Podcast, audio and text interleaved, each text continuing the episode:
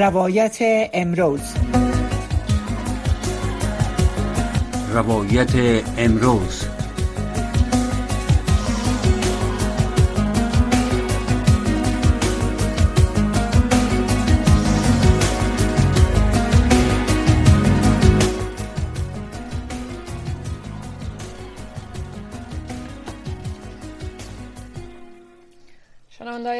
رادیو آشنا امریکا. سلام و وقتتان بخیر. امیدوارم در هر کجایی که هستین صحت و سلامت باشین و از گزند روزگار در امان باشین. باز هم برنامه روایت امروز است و من فرخنده پیمانی در خدمت شما عزیزان تا نیم ساعت بعد قرار دارم. البته در این برنامه مهمان گرامی هم داریم که مهمان عزیز ما علی حکمت مسئول انجمن حمایت از پناهندگان افغان در ترکیه می باشه و امروز در مورد آمار تلفات و همچنان در کل و وضعیت افغان هایی که در این حادثه علمناک.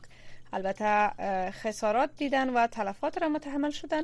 در مورد از او هم صحبت خواد کردیم و معلومات از پیشان خواد گرفتیم.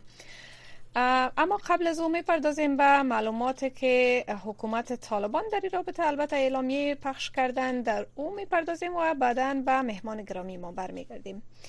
امیرخان متقی سرپرست وزارت امور خارجه حکومت طالبان در تماس تلفنی با مولود چاوشوغلو وزیر امور خارجه ترکیه در مورد خسارات جانی و مالی ناشی از زلزله زلزله اخیر در آن کشور صحبت کرده و وزارت خارجه طالبان روز جمعه دهم فبروری با نشر اعلامیه گفته است که متقی در گفتگو با وزیر امور خارجه ترکیه بار دیگر نگرانی خود را از زلزله اخیر در این کشور ابراز کرده و از همکاری در عملیات نجات از طرف افغان ها و افغانستان اطمینان داده.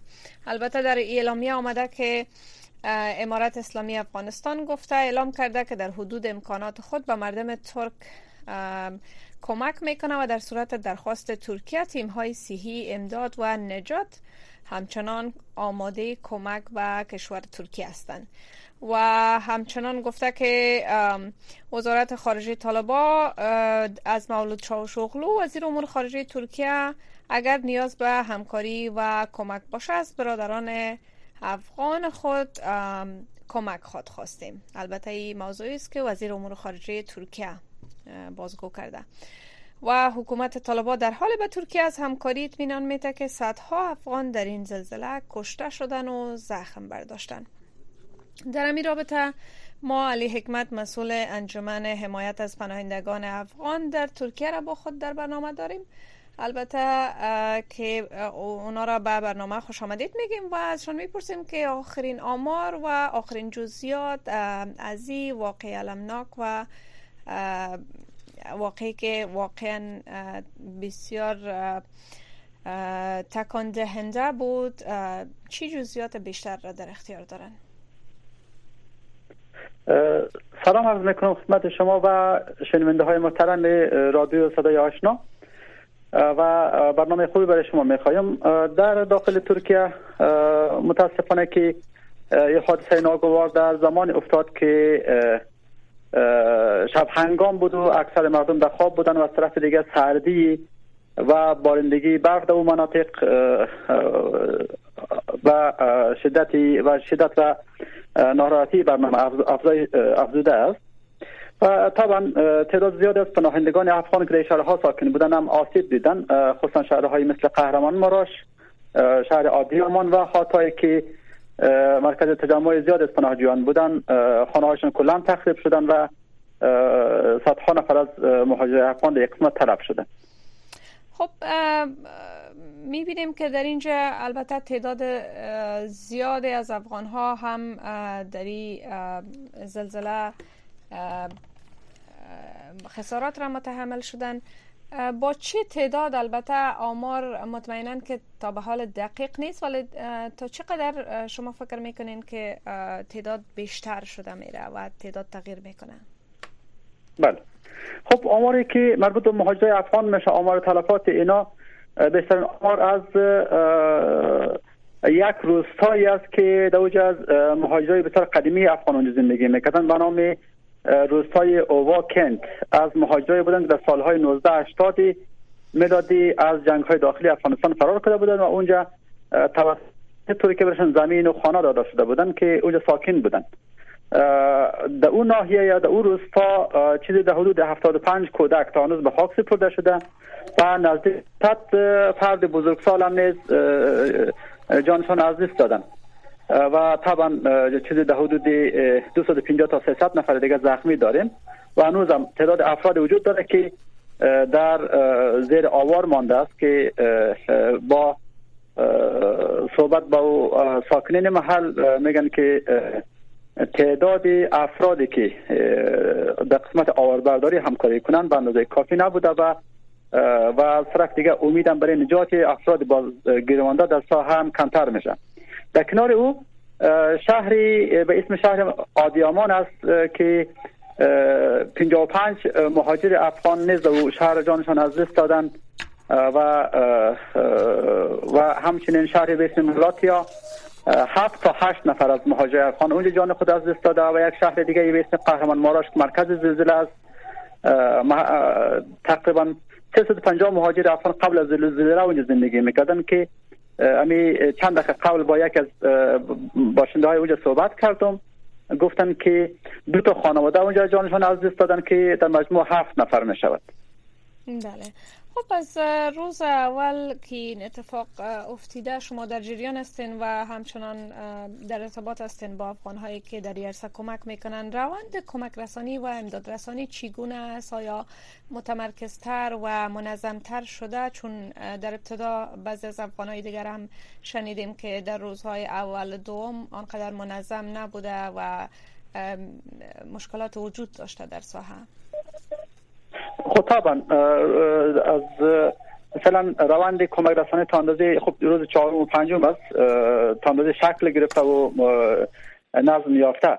اما تا روز دوم خیلی از مناطق قطع کوچه هایی که خانه ها در متأخر شده بودند نیروهای امدادی نرسیده بودند خب حالا پنج روز از حادثه گذشته و اکثر کشورها نیروهای امدادی شانه در ساحه فرستادند و و نیز مرکز حوادث ترکیه که مدیریت برنامه را دست خود گرفتند.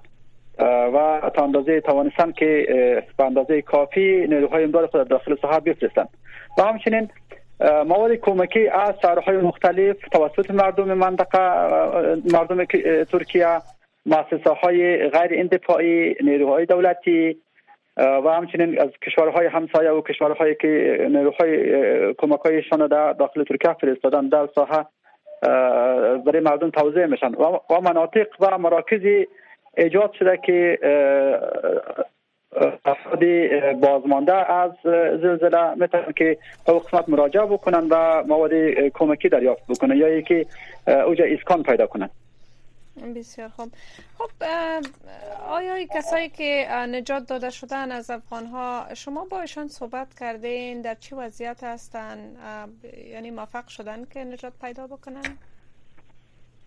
خب طبعا تعداد زیاد تلفات داریم. ما خصوصا با سه شهری که ارتباط گرفتیم شهر حاتا شهر قهرمان مارا شهر آدیامان و مالاتیا گفتن که شهر دیگه وجود نداره. ساختمان کلان تخریب شده.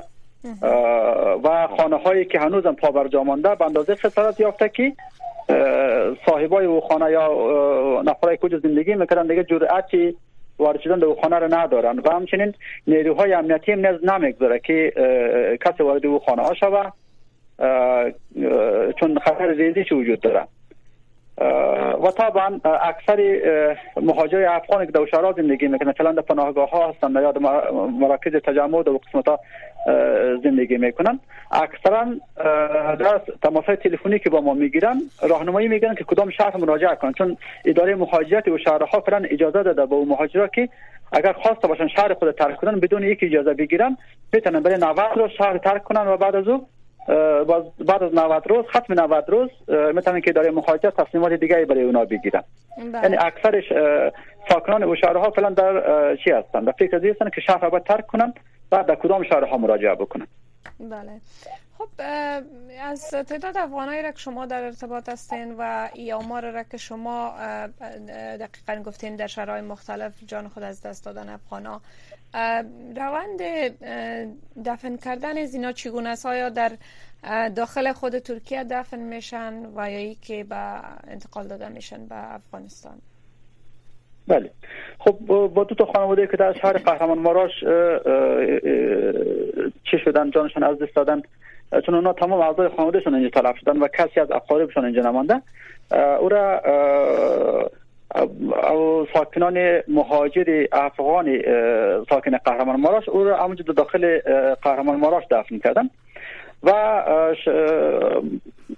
شهروندای مهاجر افغانی که در شهر هاتای بودن. ذاتا اونا از مهاجر بسیار قدیمی افغانستان بودن که شهر فعلا شهروند ترکیه شدن. اونا قبلستان مشخص برای خود دارن و ناحیه مشخص به اسم خودشان دارن و ناحیه که 7500 تا 10000 نفر اونجا زندگی می‌کنن. حتی شهردار از خودشان هستن. اونا طبعا در قسمت دفن میشن و شهر مربوطشان است ناحیه مربوطشان است و قبرستان هم مربوط خودشان است.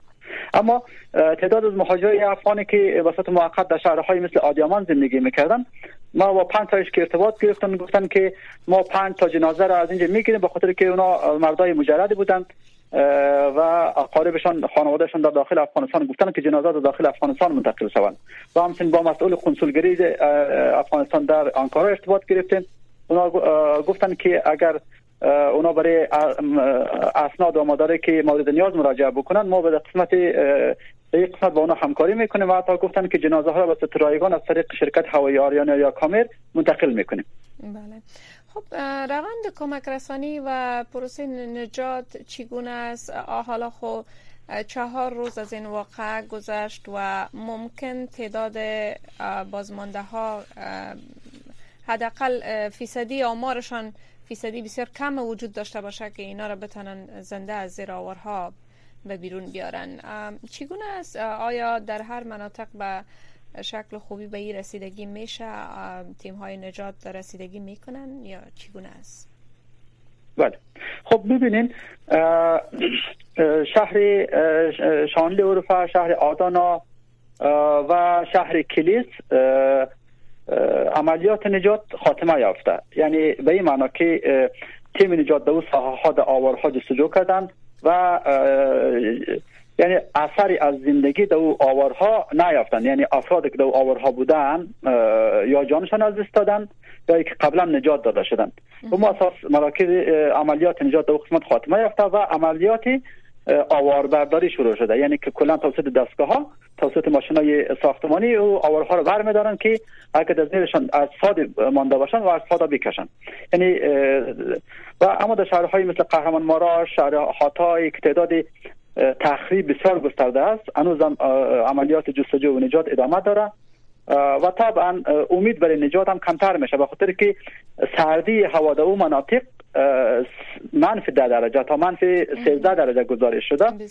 پنج روز حادثه گذاشته و افرادی که در حادثه هم گیرمانده باشن هم از اگر آوا اگر تخریب ساختمان نکشته باشن سردی می‌کشن. و ما اساس هر که زمان بگذره امیدم کمتر میشه. اما هنوزم هستن که در خبرام می‌بینیم در امروز مثلا چندین نفر از زیر آوار نجات پیدا کرده و چندین کودک نجات پیدا کرده. اما خب هر که ساعت دیرتر شوه هر که زمان دیرتر شوه امیدم کمتر میشه. بله. خب در مورد از انجمن که شما در رأسش قرار دارین البته ما, ما با یک تن از اینا که میر خانجی متقی مشهور به محمد است یکی از کارشناسایتان در بخش فعالیت می‌کنن؟ من صحبت داشتم البته در ساحه بودن نوزام و به می لحاظ نتونستن در برنامه اشتراک بکنن. اینا گفتن که از مو روز اول که اینا آغاز کردن حتی اینا گفتن که حتی بیاد ندارن که امروز تاریخ چند است چند روز گذشته و بسیار قصه که اونا کردن ما تا اشکایم در آمد که با کسایی را که اینا نجات دادن مادر و کودک های نوزاد و خردسال بوده که بعد از حداقل دو روز سه روز اینا تانستن که خوشبختانه نجات بتن و تعداد را که اینا نجات دادن گفتن در حدود چهارده نفره اینا تانستن که در روز اول نجات بدن که شش نفرش کودک بود تا دو نفرش طفل بسیار خردسال بودن که شش نفر از اینا بای سوری هم بودن. چند نفر البته در کل میشه که درباره زمی اعضای انجمن کم صحبت بکنین که اینا چگونه فعالیت می‌کنن و چگونه می‌تونن که کارهای خود البته تنظیم بکنن تحت اداره شما. بله. خب با استفاده از فرصت و اتفاق ناگوار که در ترکیه افتاد. ما یک تیمی نجات به سرپرستی آقای متقی در ساحه فرستان در روز اول همراه با تیم نجات شهر قیصر یک مربوط به دولت ترکیه می شود فرستادم در ساحه که و تا امروز اونا در داخل ساحه هستند و در قسمت جستجو و نجات همکاری می‌کنن. و اینا آقا آقای متقی تجربه 15 سال امداد در ایران دارد که سالهاست ایران مهاجر بودن و فعلا در داخل ترکیه هستن با انجمن ما همکاری می‌کنن. و طبعا بیرون از خارج از فعالیت جستجو و نجات در ساحه ما در تمام شهرهای ترکیه کمپاین های مختلف ایجاد کردیم. در چهار روز یا پنج روزی گذشته. یکی کمپاین خون است که حدس می‌ذارم نزدیک به 50 شهر یا 50 ولایت داخل ترکیه مهاجرای افغان در مراکز اهدای خون که مربوط به هلال احمر ترکیه میشه مراجعه می‌کنن و خونشان اهدا می‌کنن. حداقل هزاران نفر از مهاجرای افغان در کمپاین اشتراک کرده و خونشان برای زخمی های حادثه تقدیم کردم. و نیز کمپاین دیگری است که برای ترجمان های که در ساحه میفرستیم برای مهاجرای فارسی زبان و مهاجرای عرب زبان در ساحه همکاری بکنه. اگر نیازشان باشه گره حدود بیشتر از 500 ترجمان عرب زبان ترکی زبان و فارسی زبان که همزمان ممکنه به سه زبان صحبت بکنن پیدا کردیم رضاکار حاضرن در ساحه برن. و لیستشان در اختیار مقامات دولتی گذاشتیم و اونام به نوبت چیزی که نیاز باشن باشن تماس می‌کنن و در ساحه میفرستن. و کمپاین های جمع آوری کمک های مادی مثل پول لباس بخاری و هر نوع امکانات دیگه خودشان تواناییشان داشته باشن جمع آوری می‌کنیم و در ساحه میفرستیم. بله. خب البته در پلوی ازی که ما صحبت بیشتر در مورد ترکیه و افغانایی که در اونجا زندگی می‌کنن کردیم. البته فراموش نکنیم که ای به همین اندازه و شدت که در ترکیه زلزله صورت گرفت در سوریه هم زلزله صورت گرفته که تعداد البته تعداد که در ترکیه تلفات داشته در سوریه کمتر تلفات داشته که به این حساب آمار تلفات هنوز هم طور دقیق معلوم نیست و ممکن که شمارشان تغییر بکنه. ولی ممکن تا به حال و تا به امروز در حدود 21 هزار نفر رسیده. شما آیا با کدام نهاد با کدام انجمن که در داخل سوریه در اونجا فعالیت داشته باشن و کارهای را مثل که شما در ترکیه انجام میتین آیا ارتباط دارین و اونا چی میگن؟ اگر ارتباط دارین که در اونجا چقدر افغان وجود داره و آیا تلفات داشتن یا خیر؟ بله. ما با چندین مؤسسه سوری که در داخل ترکیه فعالیت دارن و همزمان شعبه های در داخل سوریه دارن در قسمت شمال سوریه که یک مقدار زیر نظر دولت ترکیه کنترل میشن.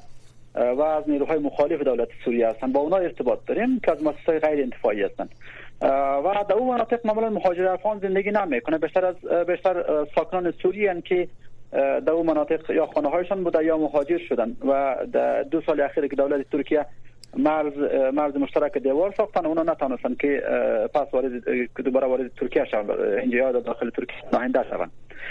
و عین کمپاین هایی که ما در داخل ترکیه ایجاد می‌کنه مهاجرای سوری در داخل ترکیه نیست کمپاین هایی دارن که با استفاده از او کمپاین ها کمک هایشان در سمت شمال سوریه میفرستن تا چون طبعا او کمک هایی که برای دولت ترکیه می‌رسه او اکثر او کمک ها در اختیار افراد آسیب پذیر در شمال سوریه نمی‌رسه. و تخریباتی که در مناطق تحت کنترل دولت سوریه است ما متاسفانه که با اونا در ارتباط نیستیم و اطلاع نداریم که در اوجا آیا مهاجر افغان هم در جریان به زلزله آسیب دیدن یا خیر. بله. خب انتقادات از حکومت ترکیه البته در این چند روز افزایش یافته که اردوغان در جریان دیدار از ساحه زلزله زده.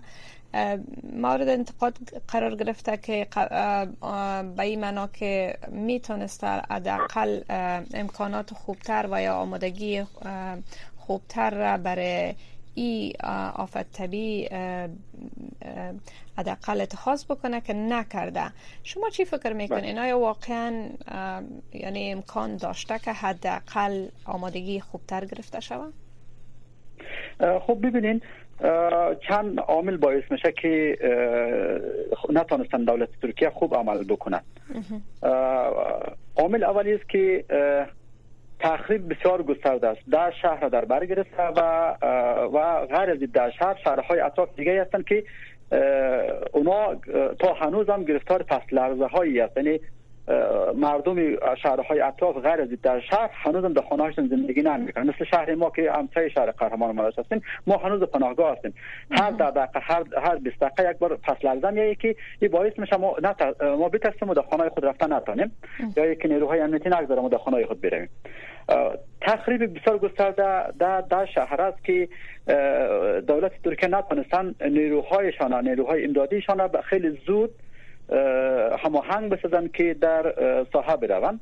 و عامل دوم زلزله شب هنگام است که همه در خواب بودند و نتانستن که تمام مردم جانشان را به آسانی نجات بدن. یعنی همه در خانه بودند و در وضعیتی بودن که نتانستن به زودی خود نجات پیدا بکنن عامل سوم سردی بیش از حد هوا است. تمام طول زمستان امسال در ترکیه برف نبارید اما دو روز قبل از اینکه زلزله شروع شود بارندگی برف شروع شد و تا هنوز بارندگی برف در او نواحی جریان داره یا یا برف یا باران. و از طرف دیگه ای که طبعا کمکاری های در قسمت وجود داره و تا روز دوم سوم دولت ترکیه در خیلی از نواحی و روستاها نتونستند نیروهای امدادشان جابجا بکنند و ویدیوهای بسیار مختلف از ساکنان محلی دیده میشه که تقاضای کمک می‌کنن. حتی ویدیوهای ویدیوهایشان در شبکه های مجازی منتشر می‌کنن و افراد سرشناسی که خبرنگار هستند یا مثلا کارگردانان تلویزیون هستند اونا رو تج می‌کنن که اونا دیده شوند و پیامشان با مقامات دولتی بفرستن بله. و خب حالا تا اندازه کمی سر سامان گرفتن و اکثر نیروهای امنیتی امنیت گرفتن که در اون مناطق تحت مناطق آسیب دیده مردم طور چاپاول نکنند مارکت ها چی نشوند غارت نشوند و همچنین نیروهای امدادی یا کمک های امدادی که شهرهای دیگه از کشورهای دیگه میایند در مسیر راه چی نشوند؟ موتورشان به غارت برده نشوند. و بله. طبعا از طرف دیگه ای که دولت ترکیه خودش حس کرده که یک قسمت کمکاری داشته بوده به مو اساس دولت ترکیه دیروز رئیس قبلی حوادث ترکیه را که در یک از کشورهای اروپایی بود پس به ترکیه خواسته. و خواستن پس خواستن او از کشور شد دلیلش ای باشه که او خیلی خوب توانسته بود دو زلزله سال 2011 در شهر وان در نزدیکی ایران و زلزله 2020 در شهر الازیق در مرکز ترکیه را به خیلی به خوبی کنترل بکنه. اما متاسفانه که دولت ترکیه در یک سال اخیر او را به حیث سفیر یک کشورهای افریقایی فرستاد و رئیس جدید حوادث ترکیه احتمالا نتونسته که این خوب مدیریت بکنه و احتمالا او را خواسته که از مدیریت های قبلی او استفاده بکنه. بله. خب این مناطق را که شما یادآوری کردین تقریبا گفتین که ده شهر این زلزله خسارت رسانده و ده شهر ویران ساخته که تعداد بیشتر تلفات را هم یعنی ده شهر داشته. چی فکر می‌کنین آیا معلوماتتان از ای در شهر فقیر نشین بودن یا طبقه بلندتر یا ثروتمند هم زندگی می‌کردن به خاطر که اکثر منازل که دیده میشه و قرار بعض از گزارش ها که خانه ها و یا آپارتمان ها بسیار سالهای زیاد بوده که امار شده بوده و یعنی کهنه بوده که بله. هم بیشتر زمانی که فرو میریزه ای هم یکی از دلایل شده می‌تونه خب طبعا شهرهایی که آسیب دیدن جمله شهرهای جنوب شرقی یا جنوبی ترکیه هستند که سه یا چهار تا از اونها هم مرز با سوریه می باشند و از طرف دیگه این شهرها جمع 60 تا 70 درصد جمعیت اینا رو کردهای ترکیه تشکیل میدن که بعضا بعضی از انتقادات متوجه دولت ترکیه. به این خاطر است که از ای که این شهرها کرد نشین بودن دولت ترکیه چی کردن؟ توجه نکردن. یا قصدن یا بیشتر توجه نکردن و این احتمالا وجود داره. اما خب طبعا این شهرهای یا ولایت هایی که یادآوری کردیم جز شهرهای فقیر نشین است و اکثر شهرداری ها یا مقامات دولتی قبلی در قسمت اعمار ساختمان های بسیار مستحکم توجه نکردن و و به جز 2020 شهر الازی خمسایه شهر قهرمان ماراش مرکز زلزله فعلی است سال 2020 دچار زلزله خطرناک شد تقریبا 2000 نفر اونجا از دست دادن یعنی دو سال قبلش. اما هنوز هم مقامات شهری یا مقامات دولتی از درس نمی‌گیرن و به قسمت اعمار ساختمان های مستحکم توجه نمی‌کنن. بله. خب حالا برای دفتن چگونه برای سرپناه جایی که اینا بتانن برای دفتن موقتی زندگی بکنن؟ در هر شهر در نزدیکی شد من در نظر گرفتن که اینا سرپناه داشته باشن. بله. میشه که در مورد سرپناهایی که برای کسایی که البته بازمانده هستن و نجات داده شدن کمی هم صحبت بکنین. بله. خب چیزی که مرکز آفاد مرکز حوادث ترکیه اعلان کردن دیروز نزدیک به 75 هزار چادر در شهرهای آسیب دیده در قسمت های مختلف شهرها چادر زدن و در او چادر که وسط موقتی است امکانات گرمایشی امکانات برق اینا هم فراهم ساخته و در کنار او مراکز بیمارستان های سیار هم و کمک خود دولت ترکیه هم و کمک خود کشورهایی که قسمت امداد رسانی می‌کنن ایجاد شده است. خب طبعا این چی نیست؟ این چادرها کارساز نیست و در کنار او دولت ترکیه گفته که ممکنه این چادرها تا یک ماه مقاومت بکنه تا کمتر از یک ماه مقاومت بکنه. تا یکی ختم یک ماه ما ساختمان های اقامتگاه های کانتینری سیار و در شهرهای مختلف ایجاد می‌کنیم که او بهترتر از چادر باشد در او اقامتگاه سیار کانتینری مواد گرمایشی غذایی و آشپزخانه و تشنابای سیار هم کنارش هم می‌سازیم. و طبعا چیز دیگه که دولت ترکیه قول داده که در جریان یک سال تمام شهرهایی که آسیب دیدن ساختمان های جدید را اعمار می‌کنن که محل اقامت دائمی افراد آسیب دیده شوند. بله. خب یک جان تشکر. آقای علی حکمت مسئول انجمن حمایت از پناهندگان افغان در ترکیه با جزئیات و توضیحات که ارائه کردین. یک جان ممنون. موفق باشین. شنوندای عزیز برنامه روایت امروز در مورد تلفات و جزیات در مورد زلزله زده ها در ترکیه و سوریه و بخش بیشترش روی تلفات افغان ها در ترکیه و یکی در چه وضعیت قرار دارن اختصاص داده شده بود. که خدمت شما عزیزان تقدیم شد. برنامه های رادیو آشنا صدای امریکا را همچنان دنبال بکنین و بیننده و شنونده برنامه های آینده رادیو آشنا صدای امریکا از طریق امواج رادیو آشنا صدای امریکا باشین و ما را فراموش نکنین.